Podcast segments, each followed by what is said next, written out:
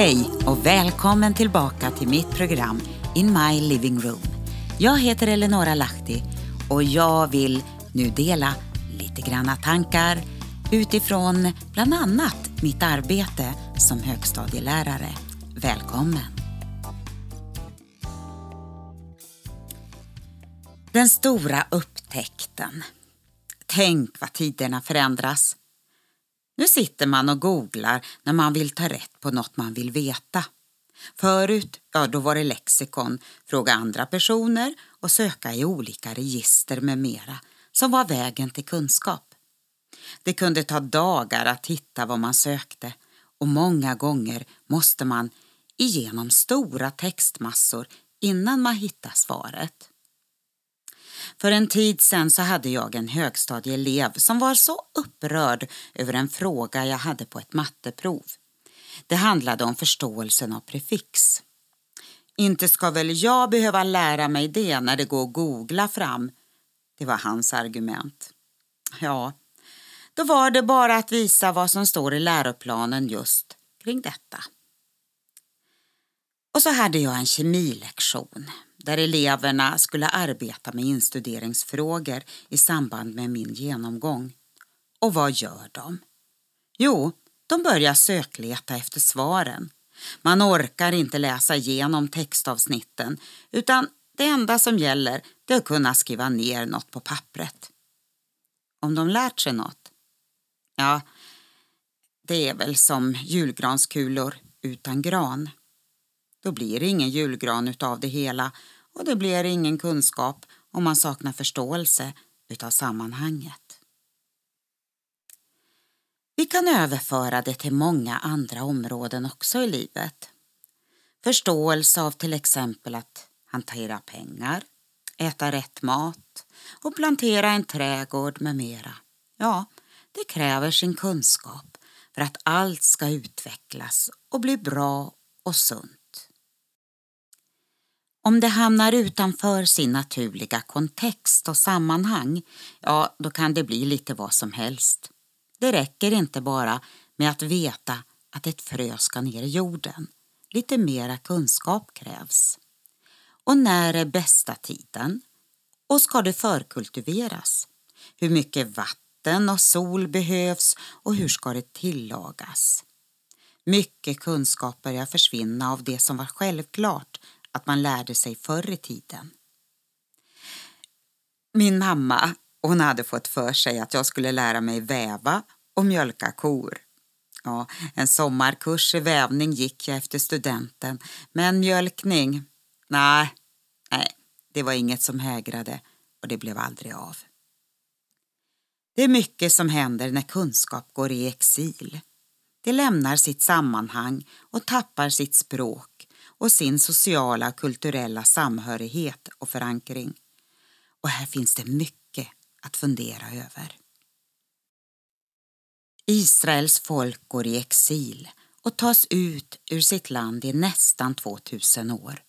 Och Guds ord, ja det vandrar också ut i landsflykt. En kunskap som mer och mer tappar sitt ursprung i de hebreiska skrifterna. Det känns som om ordet behöver få asyl, behöver skyddas från att utsättas för förfalskning och bli ogiltigförklarat. Vi säger ofta Gud vill göra något nytt. Men mer och mer ser jag att Gud vill göra något gammalt. Låter det konstigt? Ja, efter att eh, jag har bott några år i Israel så insåg jag att min förståelse av ett och annat har varit väldigt enkelspårigt och fyllt av frikyrkotradition. Men jag kan inte annat än att säga att det också har varit värdefullt. Men ändå, det är något mera som vill till. Jag läste för en tid sedan en fyra sidors artikel i tidningen Dagen om en väckelse som är på framfart i Israel. Judar som börjar finna sin Messias, Jeshua. Och så kan man läsa rubrikerna i tidningen. Bland annat Messianska judar blir fler i Israel. och ett citat som säger vi är judar som tar emot tron efter 2000 år. Ja, det är en upptäckt bland det judiska folket samtidigt som något också börjar hända här bland de kristna i världen. I min värld, ja, så är det här den stora upptäckten.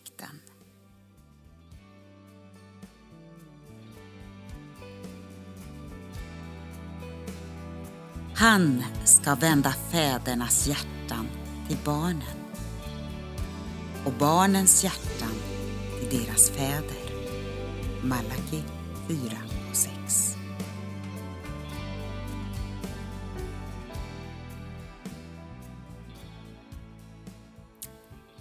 Det här var den sista versen i Gamla testamentet innan nästa nya fas tar vid, det nya testamentet. Jag tror att den tid som ligger framför är en tid när det gamla kommer att bli det nya. En tid när vi ser värdet i de hebreiska skrifterna och hur de apostoliska skrifterna, alltså Nya testamentet, återförs till sitt sammanhang som Jesus och apostlarna utgick ifrån i sin undervisning. Bibeln är skriven i ett hebreiskt perspektiv och kontext och det är annorlunda än vår västerländska infallsvinkel med ett nytt och ett gammalt testamente. Precis som det inte längre har något med varann att göra. En gång i tiden, på 200-300-talet, så började kristna distansera sig från sin hebreiska rot av politiska, finansiella och kulturella skäl och det blev något eh, gammalt som byttes bort mot något nytt. Ja, i stora drag. Vi lever i en kultur som vill slarva sig igenom texter. Vi sökletar efter snabba svar som borde väl fungera. Och vi saknar ett och annat att hänga upp det på. Ja, säger man, men nu ska vi väl ändå inte tillbaka till lagar och paragrafer. Allt är Guds ord, hur vi än vänder och vrider på det hela. Det finns vägar att förstå. Ja, kanske inte allt, men bra mycket mera än det vi idag känner till är värt att upptäcka. Så att vi inte begränsar ordet.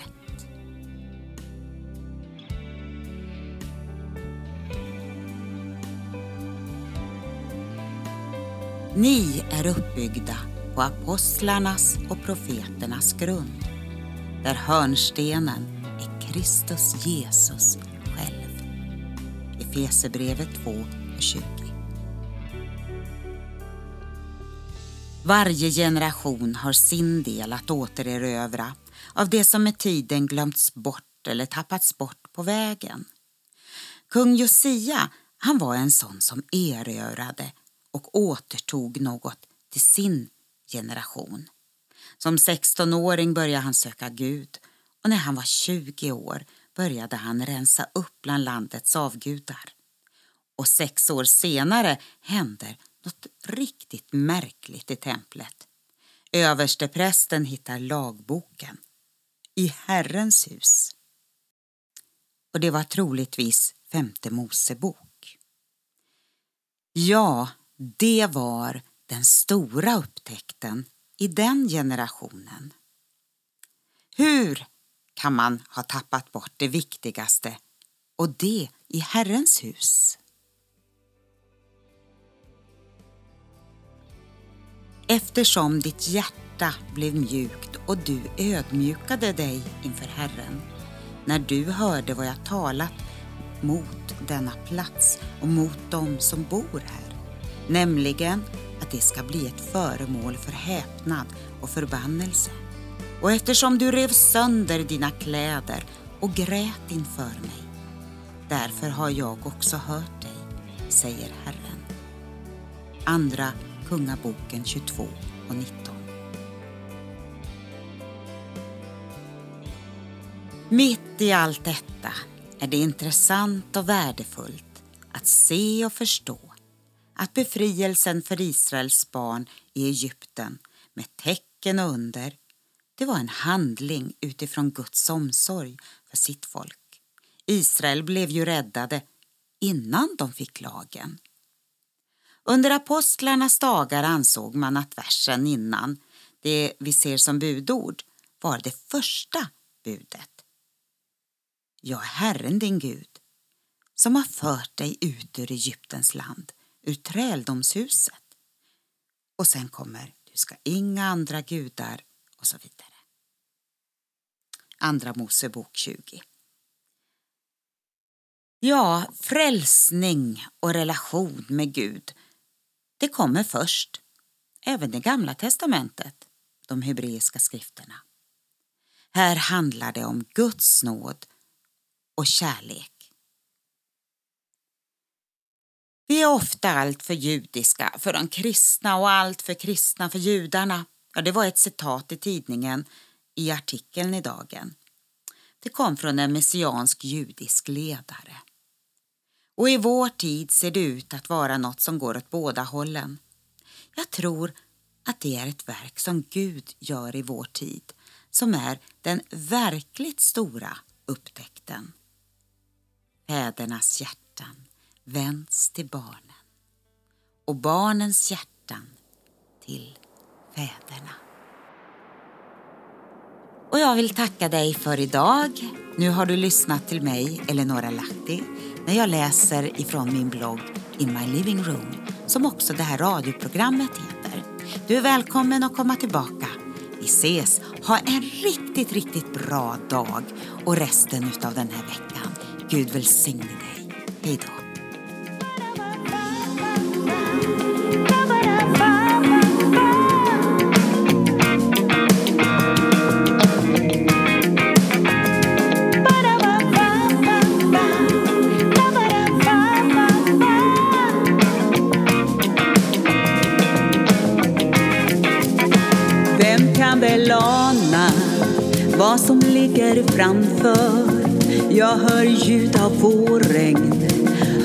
Regnet vräker ner, det är nåt på gång. Kan du se och höra en våg för oss vidare?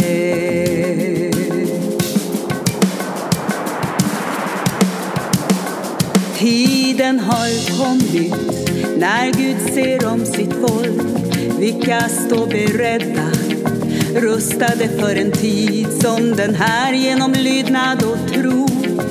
Genom brott ska komma, för Guds ord går fram med mäktig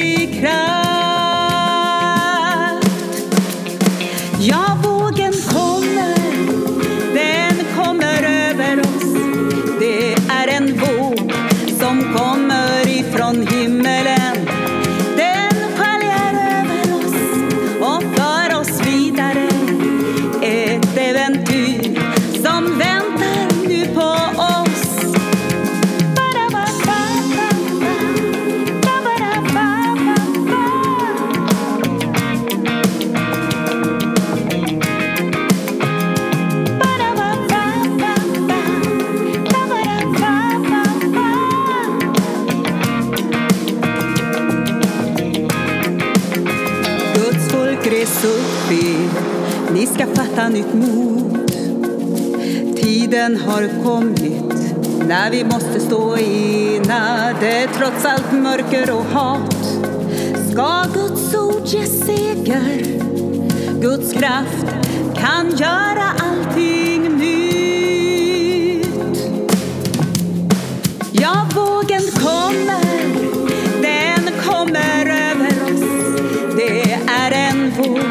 son tome